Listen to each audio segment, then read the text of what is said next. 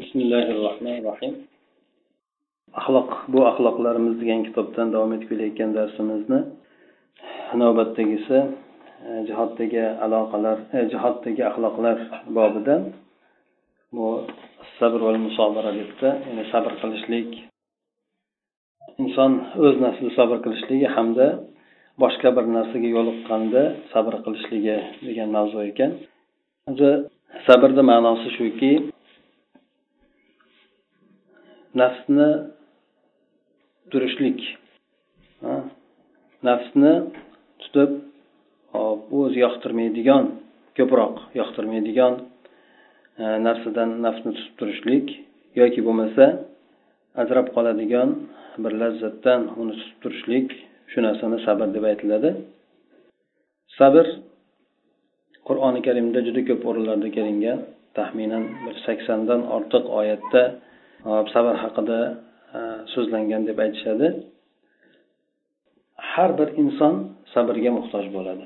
Ho u musibatni ostida turgan inson bo'lsin yoki bo'lmasa ne'mat ostida turgan inson bo'lsin har bir kimsa sabrga doim muhtoj bo'ladi. Hop ikkala turi ham ne'mat ham davomiy bo'lishligi uchun insonda sabr bo'lishlik kerak. Ba'zan ne'matga sabr qilishlik musibatga sabr qilishlikdan ko'ra og'irroq bo'ladi. Buni e, imom ahmad ham e, so'zlarini birida aytib o'tganlar. Bu kishi mo'tazilalar tomonidan qattiq e, zug'umga uchragandan keyin ya'ni u paytda boshqa olimlar ham shunaqa zug'umga uchrashadi. Ba'zi e'tiqodlarga xilof bo'lgan narsani aytishlikka majbur qilinganligidan uch xalifa davrida bu kishi qattiq o'sha zug'umga uchraydi. Ana undan keyin to'rtinchisi kelgan paytida bu kishini u ahli sunnaga moyilroq xalifa keladida avvaldagi o'sha mo'tazilaga moyil bo'lgan xalifalardan keyin kelganligi uchun ahli sunnani darajasini ko'tarishni istaydida shundan ko'p yaxshilik qiladi ahli sunnaga. Chunki mo'tazilaga moyil bo'lgan xalifalar turgan paytida ma'mun deydi o'sha undan keyingilar e, davrida ya'ni qur'onni maxluq deyish kerak degan mavzu ko'tariladi. E, mo'tazilar shunga ommani olimlarni majburlaganda ko'pchilik olimlar o'sha narsani aytadi. E, kimlardir endi tavriya qilib ya'ni E, yuzini boshqacha e, zohirni boshqacha ichidagi bo'lgan ma'noni boshqacha qilib turib o'sha holatdan qutulishlikni iroda qilgan holatda aytishadi. Lekin imom ahmad o'shanda e, ochiq haqiqatni oshkor aytgan holatda mahkam turadi. Buni oqibatida u kishi bir qancha marta darra urishlikka ham urilishlikka ham hukm qilinadi. Hatto uy qamog'ida ancha muddat ham turadi. Ya'ni hech kim bilan ko'rishtirilmasdan uy qamog'ida turadi. Ana undan keyin xalifa yangi bo'lib boshqa xalifa bo'lib bu ahli sunnani tarafini oladigan xalifa bo'ladida. Shundan keyin imom ahmadni juda katta muruvvat ko'rsatadi u kishiga hadoyalar beradi. Shunda imom ahmad aytadiki buni bunday qilayotgan ishi avvalgilarnikidan ko'ra og'irroq bo'ldi menga. Chunki avvalgilar qiynagan bo'lsa unga sabr qilib turish mumkin lekin e, muruvvat qilgan shunaqa bir hadoyalar bergan bo'lsa bunga sabr qilish qiyin bo'ladi. Ya'ni og'izni yog'lab qo'yadigan bo'lsa inson qiynalib qoladi haqda mahkam turishlikdan deb aytganlar. Shundan demak har bir inson e, sabrga muhtoj bo'lar ekan. Aslida sabr alloh taolo insonga beradigan ne'matdir bu narsa. Bu narsani alloh taolo ba'zan insonni tabiatiga beradi sabr qilishlikni ba'zan insonni ko'rasiz ancha sabrli odam bo'ladi.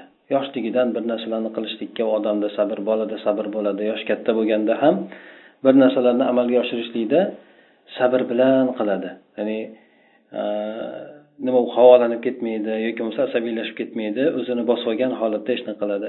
Ba'zi e, ko'proq ko'proq odamlar bo'lsa bular e, sabrni kasb qilishadi. O'zlarida sabr bo'lmaydi lekin sabrni kasb qiladi. Shundan oyat karimada ham keladi.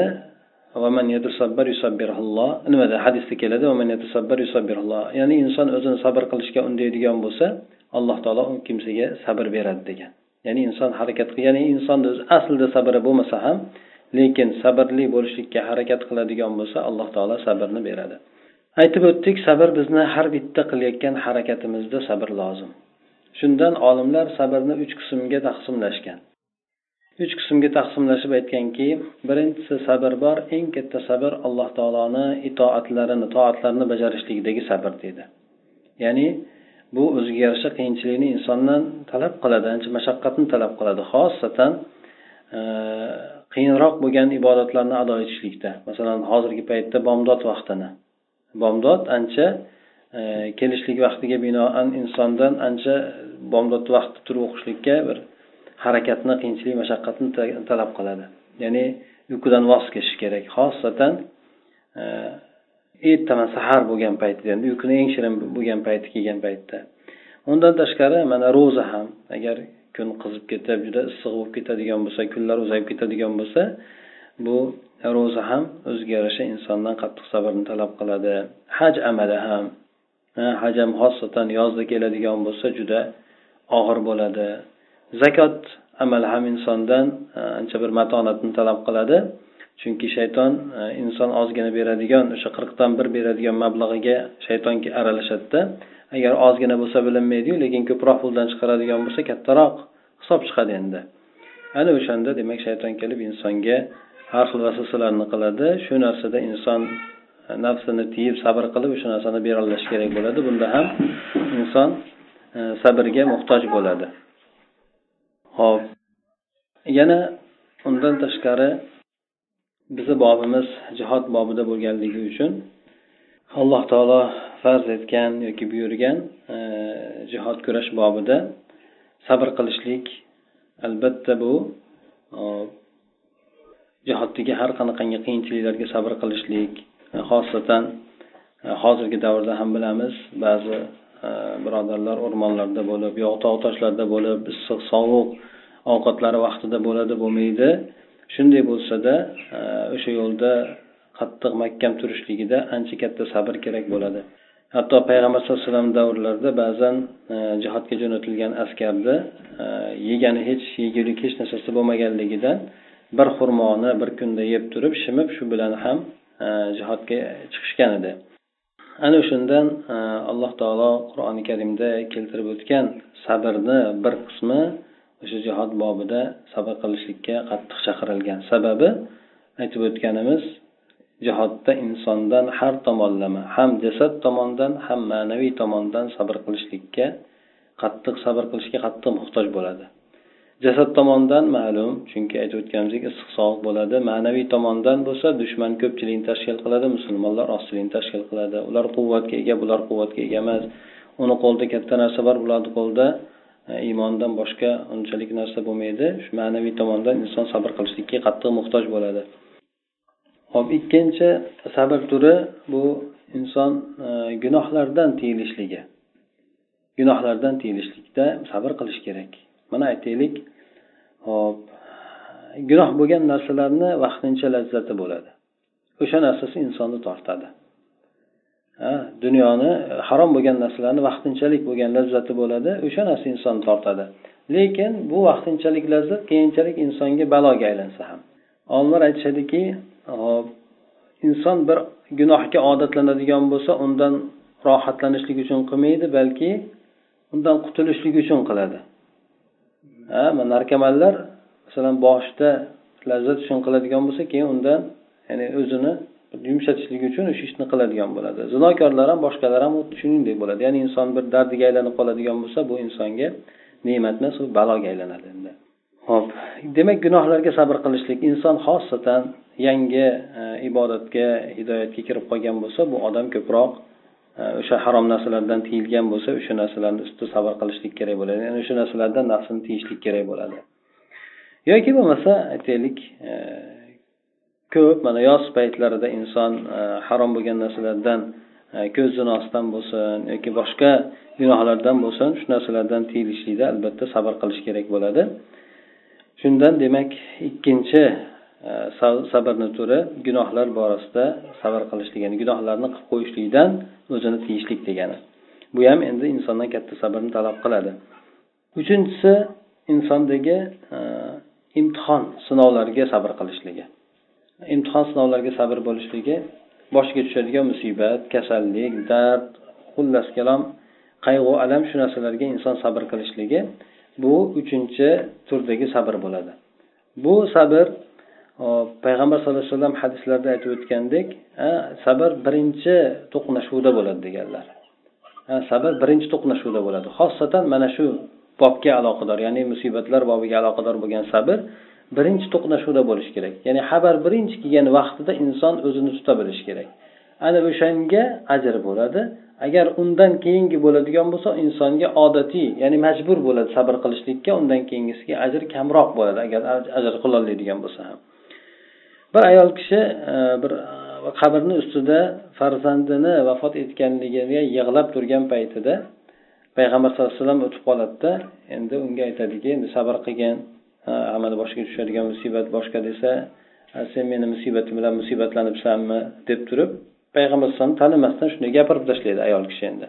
Ayolligiga borib ham keyin keyin u kishi sabr tilab o'tib ketgandan keyin qolgan sahobalar aytadi endi tanimadi bizni bu? Payg'ambar sallallohu alayhi vasallam edi deb aytganda keyin ayol kishi boradi kechiring rasululloh men bilmabman deganda shunda payg'ambar alayhisalom aytadi sabr birinchi to'qnashuv paytida bo'ladi. Ya'ni o'sha paytda sabr qilolmasa inson ajr o'sha paytda beriladi. Lekin beriladigan ajr ham juda katta beriladi. Mana boshqa hadislarda keladi ya'ni alloh taolo insondan nima narsani olib qo'yadigan bo'lsa uni muqobilini beradi. Insondan nima narsani olib qo'yadigan bo'lsa uni muqobilini insonga beradi. Masalan hadisda keladiki qaysi bir bandami ikkita habibasini olib qo'yadigan bo'lsam ya'ni ikkita ko'zini ya'ni ko'r bo'lib qolsa agar sabr qilsa u bandamni jannat bilan mukofotlayman degan. Ya'ni ko'z musibatini olib qo'ysayu shunga ehtisob qilib sabr qiladigan bo'lsa ya'ni jazavaga tushmasa bu odam betoqatlik ishlarni qilmaydigan bo'lsa har xil gaplarni gapirmasdan sabr qiladigan bo'lsa bu insonni o'sha qilgan sabrini evazidan jannat bilan mukofotlayman dedi yana undan tashqari hop qaysi bir inson mana bir farzandini yo'qotadigan bo'lsa ya'ni farzandini xosatan balog'atga yetmagan vaqtida yo'qotadigan bo'lsa alloh taolo farishtalarga buyuradi borib o'sha bandaga yo'liqishlikni ya'ni bandani bandaga yo'liqishadi ya'ni o'ziga ro'para kelmasa ham holatdan yo'liqishib aytishadiki bandam e, nima dedi desa o'sha musibat tushgan paytda hamd aytdi. Ya'ni sabr qilib senga hamd aytdi. Ya'ni hamd aytishligi ya'ni allohni bergani allohni olgani bo'ldi. Deb e, allohga xabarini yetkazishgan paytda u bandam uchun jannatdan bir uy qurib qo'yinglar qasr qurib qo'yinglar uni baytul hamd deb nomlanglar deb aytgan. Undan tashqari yana umumiy suratda qoida qilib hadisda aytilganki qaysi bir banda bir harom narsadan olloh uchun tiyiladigan bo'lsa olloh uchun sabr qilib tiyiladigan bo'lsa u bandaga alloh taolo shunday bir xotirjamlikni beradi degan bir ibodat lazzatni beradi degan inson o'sha lazzatni qalbida topadi. Ya'ni ibodat lazzatini alloh taolo beradi u banda o'sha narsani qalbida topadi deydi bir odam harom narsadan tiyiladigan bo'lsa xudo uchun tiyiladigan bo'lsa alloh taolo u bandani qalbiga shunday bir lazzatni beradi. Ibodatda qilinadigan lazzatni beradi. Hattoki o'sha inson o'zini qalbida shunday bo'lgan lazzatni totiydi deb aytganlar. Endi sabrlar payg'ambar sallallohu alayhi vasallamga juda ko'p o'rinlarda sabrga chaqirilgan. Sababi u kishini olib kelgan hayotini u kishi olib kelgan ishni hamda u kishi bajargan ishlar bilan birgalikda yashab o'tgan sharoitini yaxshi bilamiz. Chunki mushriklar tomonidan juda qattiq tazyiqqa uchragan. Shundan alloh taolo bu kishini sabrga qattiq chaqirgan. Shu bilan birgalikda payg'ambarlarni qissalarini ko'plab keltirgan. Ha mana aytaylik muso alayhissalomni qissalarini qur'onda ko'plab keltiriladi. Sababi nimaga? Nimaga endi aynan muso alayhissalomni qissasini ko'plab keltirildi? Va ibrohim alayhissalomni qissasi ham ko'prog'u lekin asosan muso alayhissalomniki. Nimaga dovud alayhissalomni qissasi yoki sulaymon yo boshqa qissalarni keltirmasdan asosan. Muso alayhissalomnikini ko'plab keltirildi. Olimlar aytishadiki buni ko'plab keltirilganligi sababi muso alayhissalom qavmidan qattiq qarshilikka uchragan. Hattoki iymon keltirgan odamlardan ham qattiq qarshilikka uchragan. Hatto o'zini davridagi iymonlilaridan ham qattiq qarshilikka uchragan. O'zini qavmidan ham qattiq e, xalqdan ham qattiq qarshilikka uchragan. Lekin payg'ambar sallallohu alayhi vasallam mo'minlardan bo'lmasada avval o'zi mushrik makka mushriklardan qattiq qarshilikka uchragan. Bu muso alayhissalomni qissasini zikr qilishlikda payg'ambar alayhissalomga tasalli bor tasalli bo'lgan deydi. Shundan payg'ambar sallallohu alayhi vasallam muso alayhissalom haligi e, holatini eslaydida ya'ni musulmonlarni o'rtasida bir madinada turgan paytlarida bir o'lja keladi o'ljani taqsim qiladida. Taqsim qilib bo'lgandan keyin bir e, odam bir qabiladan bir odam keladida lekin u musulmonlik davo qilgan odam bo'ladi u ham. Ey muhammad dedi adolat qilmading deydi bu bu taqsimot bilan adolat iroda qilinmadi. Ya'ni insofsizlik bilan bu taqsim qilindi deb aytadi. Shunda payg'ambar alayhisalom aytadiki yugur degandek aytadida men adolat qilmasam kim adolat qiladi? Ya'ni men shunchalik bo'lib turib adolat qilmasam unda dunyoda adolat qiladigan odam bo'lmaydi. Deb turib keyin o'zini bosib olib aytganlarida alloh taolo muso alayhissalomni rahmatiga olsin mendan ko'ra ko'proq shu azoblangan ozorlangan. Mendan ko'ra ko'proq ozorlangan lekin sabr qilgan. Hattoki u kishini avratida ham ozorlashadi. Avratida ya'ni bunday aytganda tappa deb gap tarqaladi.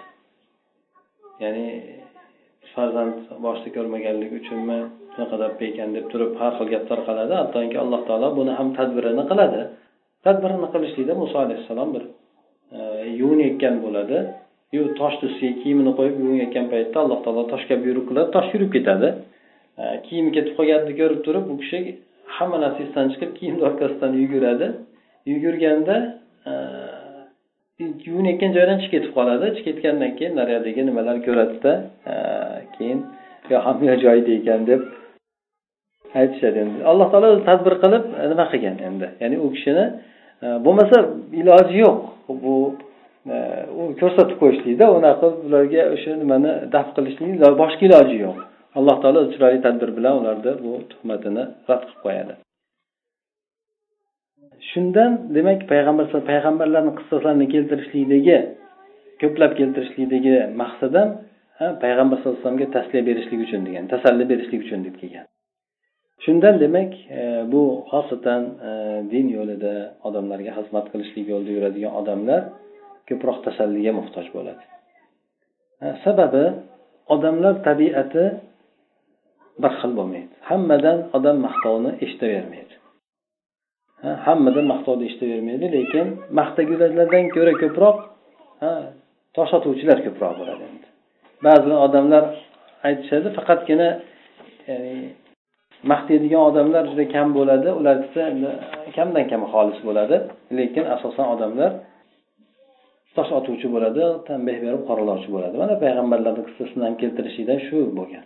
Hattoki muso alayhissalom aytib o'tdik o'zini musulmon qavmidan bo'lib turib ham payg'ambar bo'lib turib dakki eshitgan hatto payg'ambar sallallohu alayhi vasallam ustidan ham gaplar tarqaladi. Endi buni asosan munofiqlar to'g'risida tarqaladiyu munofiqlar tomonidan tarqaladiyu lekin baribir jamiyat ichida tarqaladi. Hattoki bu kishi shunchalik bir pokiza shunchalik hamma tomonlama mukammal inson bo'lishiga qaramasdan endi. Shundan bilamiz ekanki demak inson payg'ambar sallallohu alayhi vasallam darajasiga chiqolmaydi mukammallikda har tomonlama bo'lgan mukammallikda ham chiqolmaydi. Shunda albatta boshqa odamlardan dakki eshitishligi yoki e, boshqa odamlar uni yo'liga to'g'anoq bo'lishligi bu tabiiy bo'lgan narsa. Ana o'shandan ham shariatda sabrga qattiq ehtimom berilgan. Xosatan e, shu din yo'lida yuradigan boshqa odamlar bilan muomala qiladigan odamlar to'g'risida. Yana bir hadisda ham keladiki odamlarga aralashadigan hamda ularni ozorlariga sabr qiladigan kimsa odamlarga aralashmaydigan odamdan ko'ra yaxshiroq. Ya'ni odamlarni ishiga aralashib ozoriga sabr qiladigan deganidan o'z o'zidan chiqadi. Odamlarga aralashsang albatta senga ozor keladi degani. Shunga sabr qilsang bu sabr qilib turishliging ya'ni odamlarga aralashmasdan hech narsa ko'rmagan ozor ko'rmagan odamdan ko'ra yaxshiroq deb aytilgan. Yana qur'oni karimga qaraydigan bo'lsak ya bunayya aqimi va amr bil ma'ruf va nahy munkar vasbir ala ma asabak. Ya bunayya nima luqmon luqmon hakim hm, o'zini farzandiga vasiyat qiladi nasihat qiladi. Nasihat qilayotganda ya bunayya deydi. Ey kichkina ya'ni kichkina bolaga aytiladigan narsa. Namozini o'qigan amr ma'ruf nahiy munkar qilgan hamda odamlar tomonidan yetadigan ozorga sabr qilgan dedi. Demak odamlar qaramaydi yoshi kattami yoshi kichkinami odamlar tomonidan ozor kelishligi bu tabiiy bo'lgan narsa.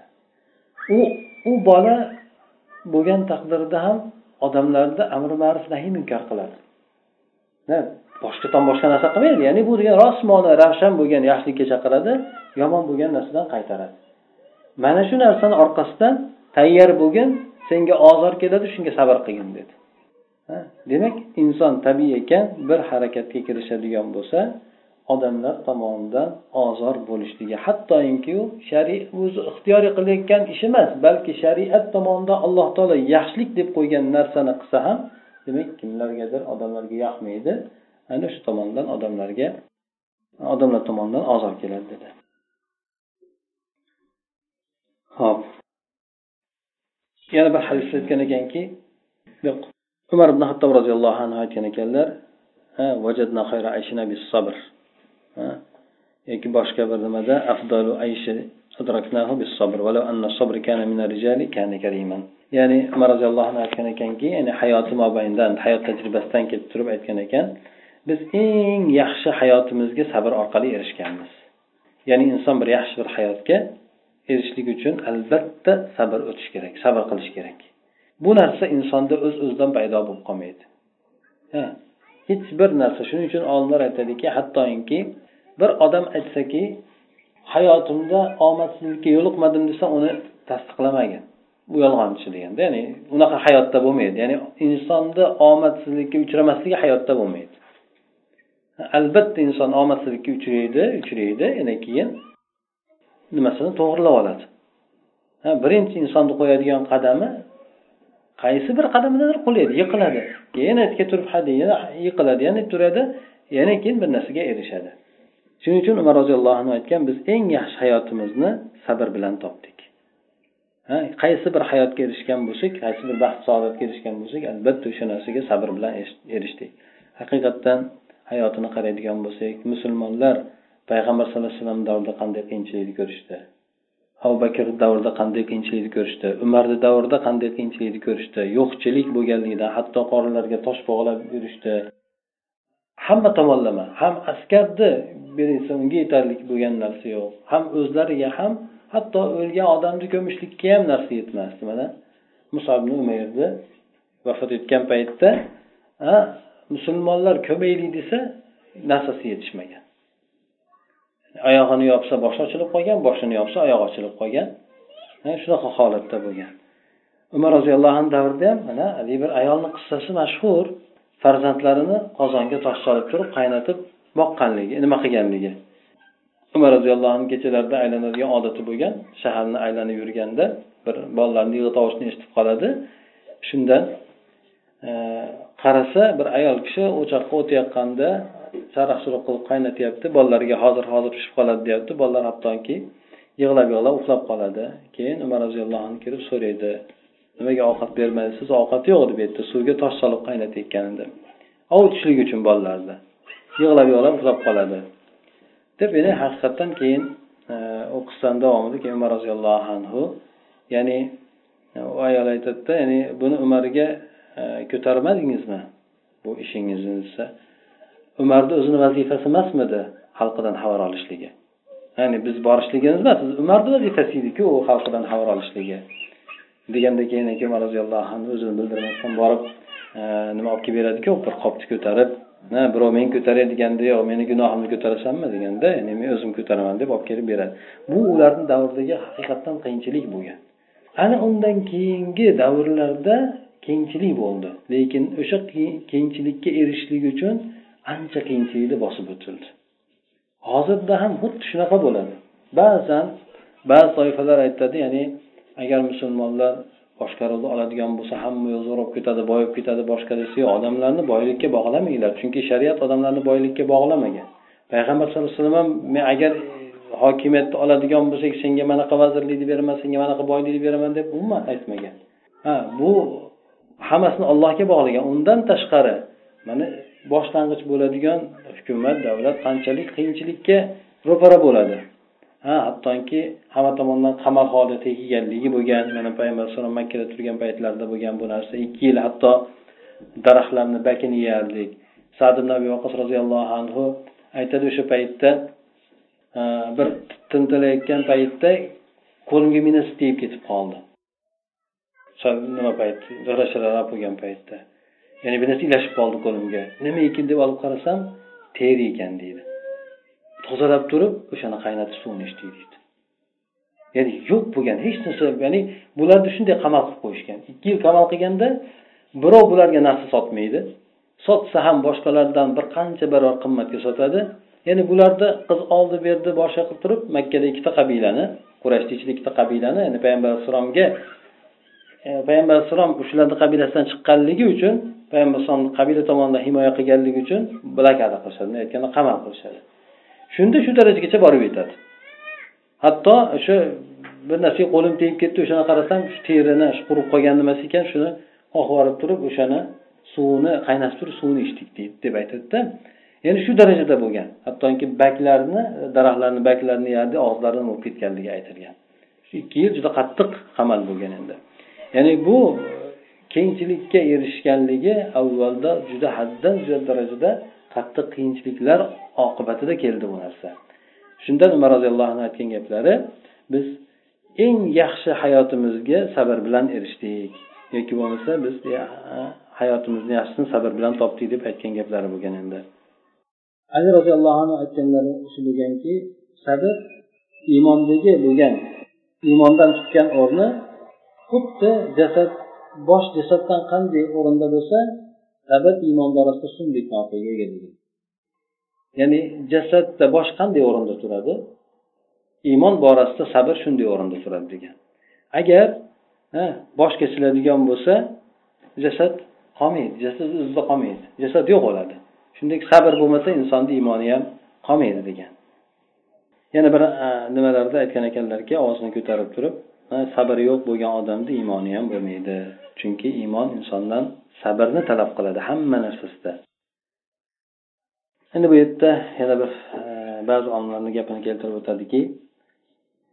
Tabiiyki deydi e, har qanday shaxs o'zini maqsadlariga erishishlik yo'lida harakat qiladigan bo'lsa albatta to'siqqa uchraydi. Odamlar tomonidan uni nimasini tushirishlikka bunday aytganda ko'nglini tushirish cho'ktirishlikka e bo'ldi senlarga qilamanmi deydigan narsaga borishlikka hamda to'siq bo'lgan narsalarga uchrashligi tabiiy deydi. Lekin insondagi kuchli irodasi o'sha to'siqlarni bosib o'tishlikka insonga yordam beradi deydi. Odamlardan ba'zilari bor harakatni avvali deydi nurab tushadi endi.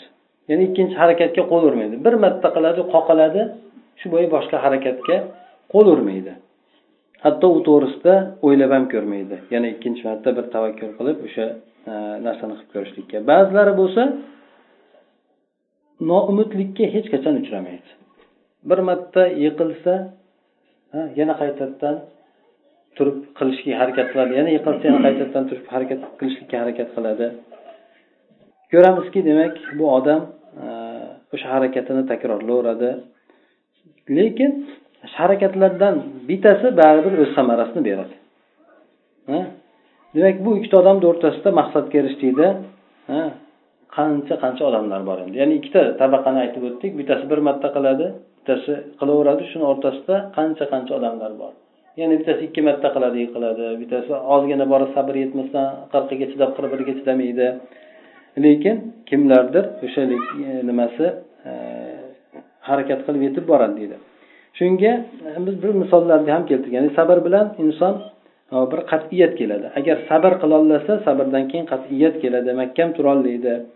Ho'p ana shunday mahkam turgan odam demak qoqilishligini ham noumidligini ham sezmay qoladi endi. Ho'p bu yerda ba'zi bir hayot voqeligidan ham misollarni ko'rishligimiz mumkin deydi. Hayotdan ibrat olishligimiz. Alloh taolo bizga hayotda ko'p narsalarni ibrat qilib bergan. Masalan daryo deydi. Daryo oqayotgan yo'lida yoki sel yo daryo oqayotgan yo'lida birinchi to'siqqa to'xtab qolmaydi. Agar yo'ldan to'siq chiqadigan bo'lsa kuchi bo'lsa uni surib ketadi kuchi bo'lmasa uni qo'yib turib bu yoqdan yoki bu yoqdan ketadi. Muhimi harakatidan to'xtamaydi.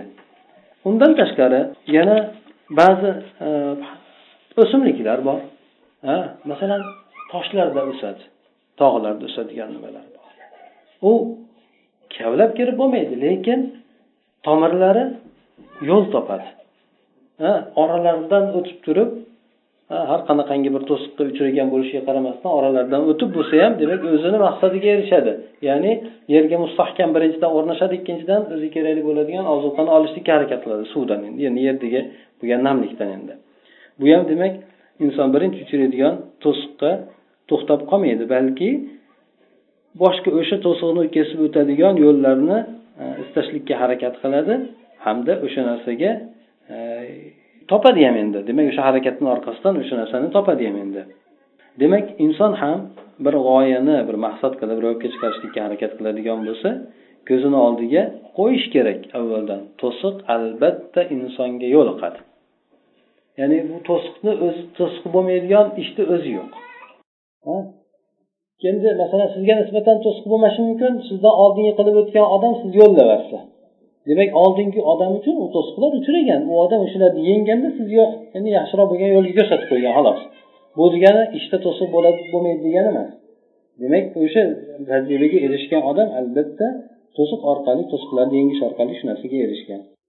Demak inson boshidan qo'yib olishi kerakki maqsadiga albatta bu o'rinda to'siqlar uchraydi.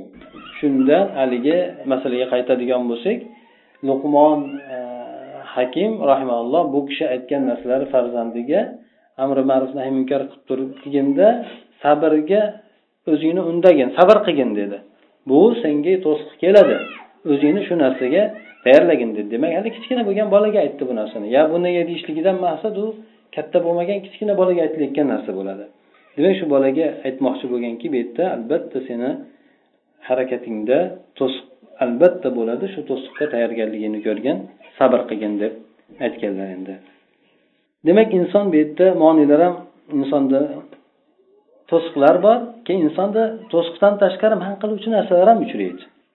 To'siq insonni yo'lida to'siladigan narsa man qiluvchi degan narsa insonni itaradigan narsa ya'ni qilayotgan harakatdan itaradigan narsa to'siq to'xtatib qoladigan narsa bo'ladi. Ha? Man qiluvchi bo'lgan narsa insonni orqasidan tutib qoladigan narsa bo'ladi. Ya'ni oldidan emas balki orqasidan to'xtatadigan narsa bo'ladi. Demak u narsa ham bu narsa ham insonga yo'liqadi endi. Demak shunda inson demak tafakkur qilib maslahat so'rashi kerak bo'ladi. Hop ko'p fikrlar bilan ozuqalanish kerak bo'ladida ana undan keyin harakatga bel bog'lash kerak bo'ladi endi. Shundan aytishadiki shijoatchilarni shijoatidan oldin inson fikri kerak. Ya'ni inson shijoat bilan bir kirishligidan oldin fikr kerak bo'ladi. Shijoat esa ikkinchi o'rinda turishi kerak bo'ladi. Agar haqiqatdan fikr fikr bo'lgan o'rinda keyin keyin qat'iyat bo'ladigan bo'lsa samara o'z e, natija o'z samarasini beradi endi. Insonni amali ham ro'yobga oshadi deydi. Agar unday bo'lmaydigan bo'lganda ya'ni maqsadga erishishlik oson yo'l bo'lganda edi hamma odam nima narsani maqsad qo'yadigan bo'lsa erishavergan bo'lardi endi. Unda raqobat degan narsani ham qiymati qolmagan bo'lardi. Hamma maqsadiga erishaveradigan bo'lsa. Hop demak sabr degan narsada e, buni sabrni o'ziga yarasha mukofotlari bor. Bu sabr aytib o'tganimizdek faqat bitta bo'lgan narsada emas insonni butun hayoti shuning uchun insonni dinini yarmi sabr deb aytishgan. Ha iymonni yarmi sabr bo'ladi dinini yarmi sabr bo'ladi. Yarmi esa shukur bo'ladi degan yarmi sabr bo'ladi degan. Demak insonni hamma tomonlama payg'ambar sallallohu alayhi vasallamni olib ko'rsak u kishiga nisbatan qo'yilgan to'siqlaru u kishini orqaga tortuvchi bo'lgan narsalar. Qo'yilgan to'siqlar o'ziga nisbatan sahobalarga nisbatan qattiq tazyiqlar bo'lganligi. Qattiq tazyiq. Bu nima tomonidan insonni azoblashlik tomonidan bo'ladigani ikkinchisi tuhmatlar bo'lganligi. Sehrga folbin jinni nima desa eng atelik obro'li bo'lgan odamga aytilgan narsa. Hali birovga hech qaysimizga birimizga jinni deb aytgani yo'q odamlar. Jinni deb gap tarqatgani yo'q boshqa qilgani yo'q. Undan keyin qiziqtiruvchi bo'lgan narsalar ham. Ha qiziqtiruvchi bo'lgan narsalar. Bu narsalar ham payg'ambar alayhisalomga ko'ndalang qilingan. Agar boylik kerak bo'ladigan bo'lsa boylik beramiz. Eng boyimiz bo'lasiz. Agar podsholik kerak bo'ladigan bo'lsa podshoyimiz qilib olamiz sizni.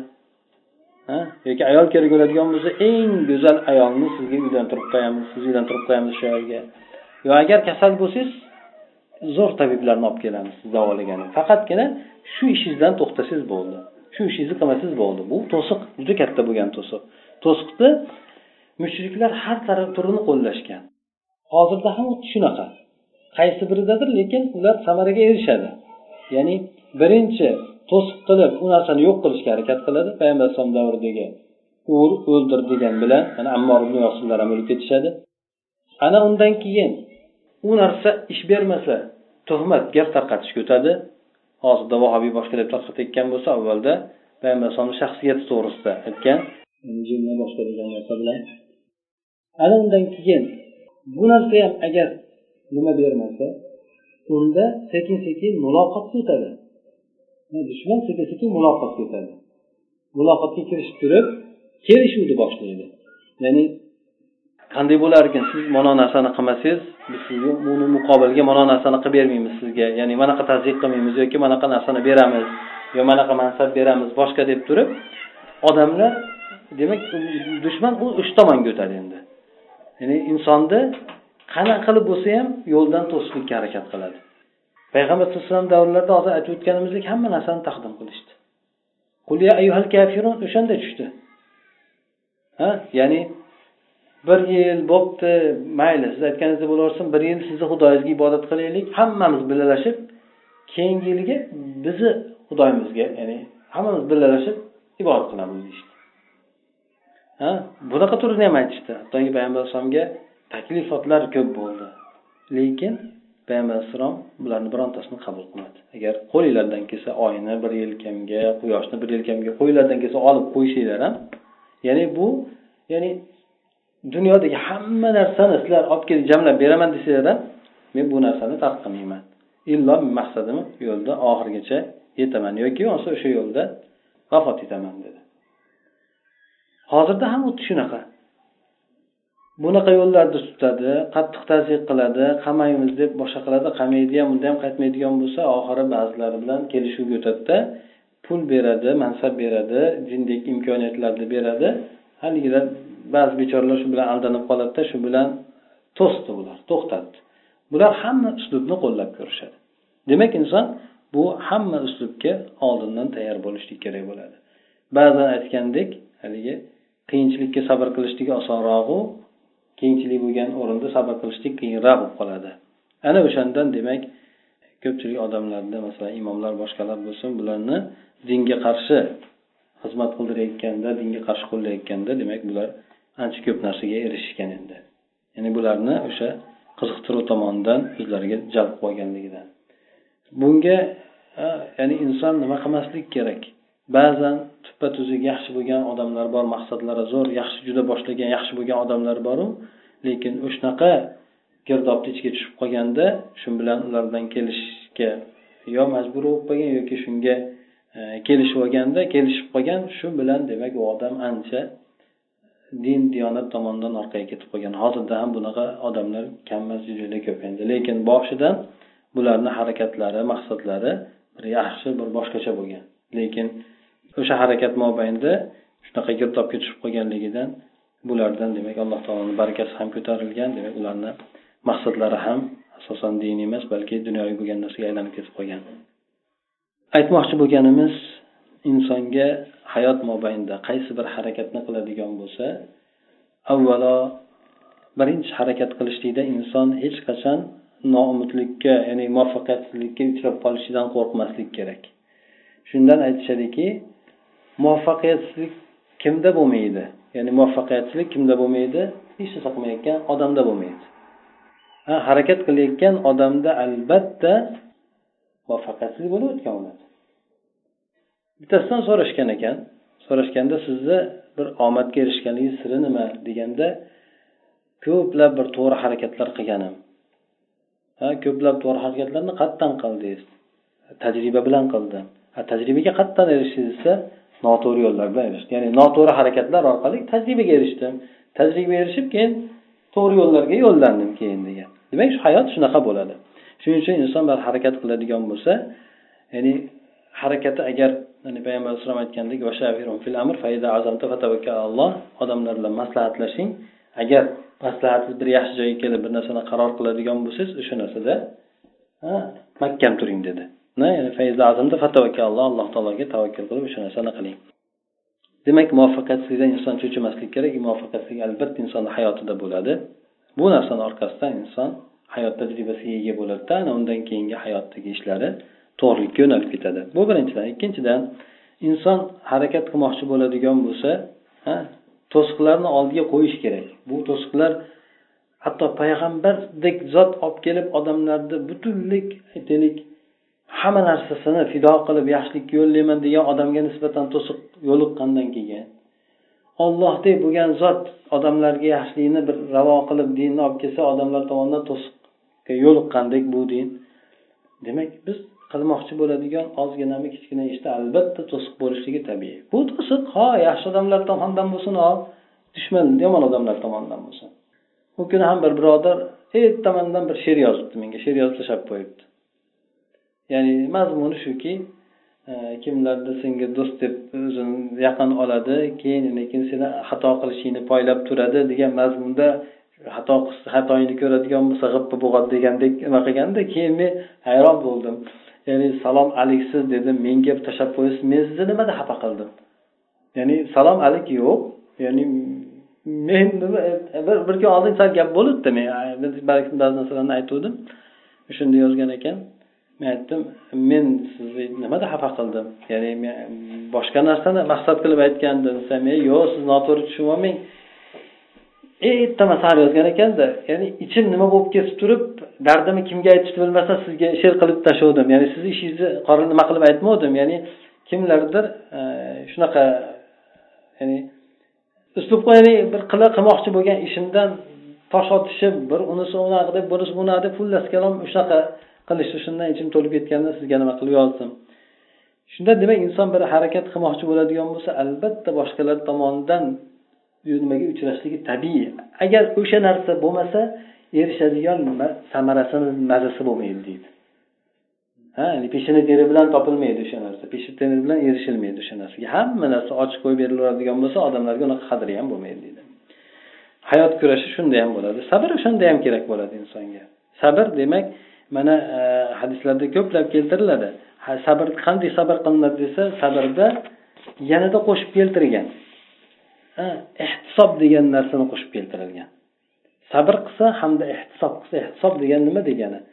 Ehtisob degani ollohni huzuridagi ajrni umid qilgan holatda jazavaga tushmasdan sabr qiladigan bo'lsa degani.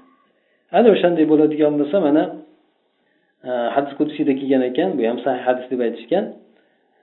Agar odam farzandi boshiga bir ish tushib sabr qiladigan bo'lsa hamda o'sha birinchi to'qnashuv bo'lgan payt ya'ni birinchi xabar kelgan paytida yoki birinchi to'qnashgan paytida sabr qiladigan bo'lsa hamda ollohni huzuridagi ajrni o'sha paytda umid qiladigan bo'lsa bu bandam uchun ya'ni jannatdan boshqa mukofotga rozi bo'lmayman degan alloh taolo. Ya'ni bunday bandaga jannatni beraman degan.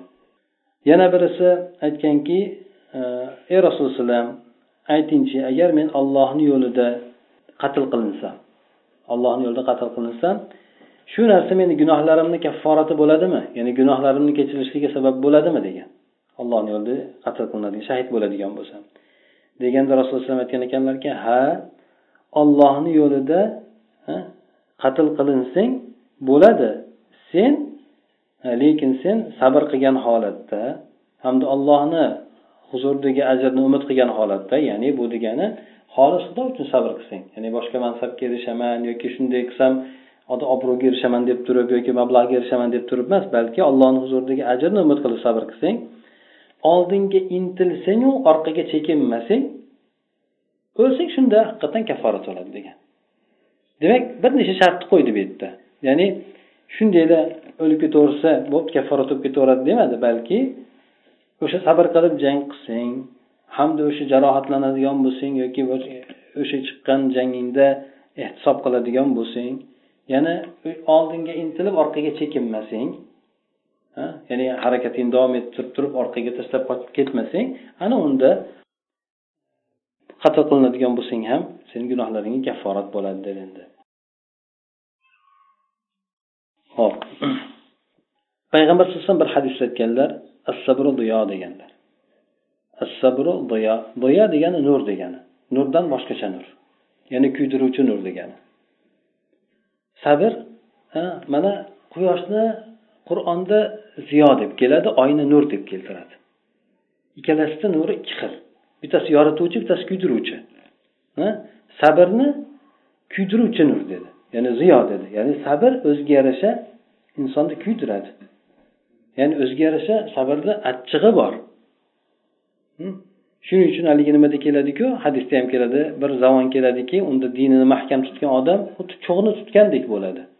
E, cho'g'ni tutishlik ya'ni cho'g' qo'lingizga tegishligi boshqa uni mahkam siqimlashligingiz boshqa. Ya'ni dinni mahkam tutgan odam cho'g'ni mahkam tutgan odamdek bo'ladi dedi. Ya'ni cho'g'ni changallagandek bo'ladi dedi. Bunda demak inson cho'g'ni changallashlik e, cho'qqa tegishli emas changallashlik sabrni qilish kerak bo'ladi. Lekin o'sha paytlar haqiqatdan e, hozirga o'xshab ketadi. Ya'ni ba'zi ba'zi diyorlarda hamma diyorda bo'lmasa ham ba'zi diyorlarda yo zulmni qattiq kelganligidan inson dinda turib qolishligi qiyin bo'ladi yoki targ'ibotlarni ko'pligidan dindan odamni burib tashlovchi bo'lgan targ'ibotlarni har xil fitna fasod bo'lgan narsalarni ko'p bo'lganligidan inson dinini mahkam tutib turishligida ham qattiq sabrga muhtoj bo'ladi. Ikkalasi ham demak e, insonga o'sha paytda lozim endi o'sha nimaga erishishlik uchun. Ellikta odamda ajri bo'ladi degan o'shanga erishishlik uchun cho'g'ni mahkam ushlagandek bo'lishi kerak. Dinni mahkam ushlagan odam cho'g'ni qanday ushlashlik qiyin dinni mahkam ushlashlik ham xuddi shuningdek bo'ladi deb. Alloh taolo aytdiki e, mana ko'p o'rinlarda keladi. E, sabrga targ'ib qilgan holatda ba'zi o'rinlarda sabr qilgan kimsalarni ajrlari to'liq suratda beriladi degan. Ya'ni hamma odam o'zi ajriga sabr bilan erishadi. Imom shofiydan shuning uchun so'rashgan paytda ya'ni nusrat alloh taoloni nusrati sabr bilan bo'ladimi yoki sabr qilmasa ham erishaveradimi deganda u kishi aytganlar ya'ni nusrat ollohni yordami yoki g'alaba bu narsa sabrsiz e, sabrsiz bo'lmaydi. Ya'ni sabrsizlik bilan ya'ni sabrsizlik bilan erishib bo'lmaydi bunga. Albatta sabr bilan erishiladi. Mabodo bo'lgan taqdirida ham davom etmaydi u narsa davomiy bo'lmaydi vaqtinchalik bo'ladi deb aytgan. Shuning uchun bir g'alabaga erishishlik albatta sabr bilan bo'ladi. Sabr bilan bo'lganligi u narsa qadrli bo'lishligiga olib boradi. Bunga misol ham keltirib aytiladiku ya'ni inson bir narsaga sabr bilan erishadigan bo'lsa uni odamni nazdida u narsa qadrli bo'ladi. O'zini qo'li mehnati bilan qilgan narsasi insonga qadrli bo'ladi. Hattoki birovga sotib yuboradigan bo'lsa ham u o'zini olgandan keyin xohlaganini qiladigan bo'lsa achinadi o'sha mehnat singanligi uchun. Chunki unga sabr ancha ustida sabr qilganda endi qadri bor. Ana o'shandan g'alaba ham keladigan bo'lsa inson harakat qilib keladigan bo'lsa u narsani insonni nazdida qadri bo'ladi. Odam uni tish tirnog'i bilan himoya qiladi. Agar shunchaki qo'liga kirgan odam bo'ladigan bo'lsa bu unchalik unga qadri yo'q bo'ladi hamda xohlagandek tasarruf qilaveradi alloh taolo bizlarga hop nima uchun bunaqa qiyinchilik holatlarini berib qo'yadi? Aytaylik o'zimiz diyorda xosatan hozirgi paytlarda bo'lsa. Sababi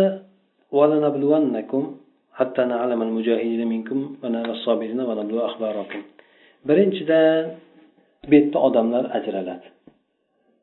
Qiyinchilik bo'lgan paytda odamlar ajraladi. Qiyinchilik bo'lgan paytda hamma yaxshi odam.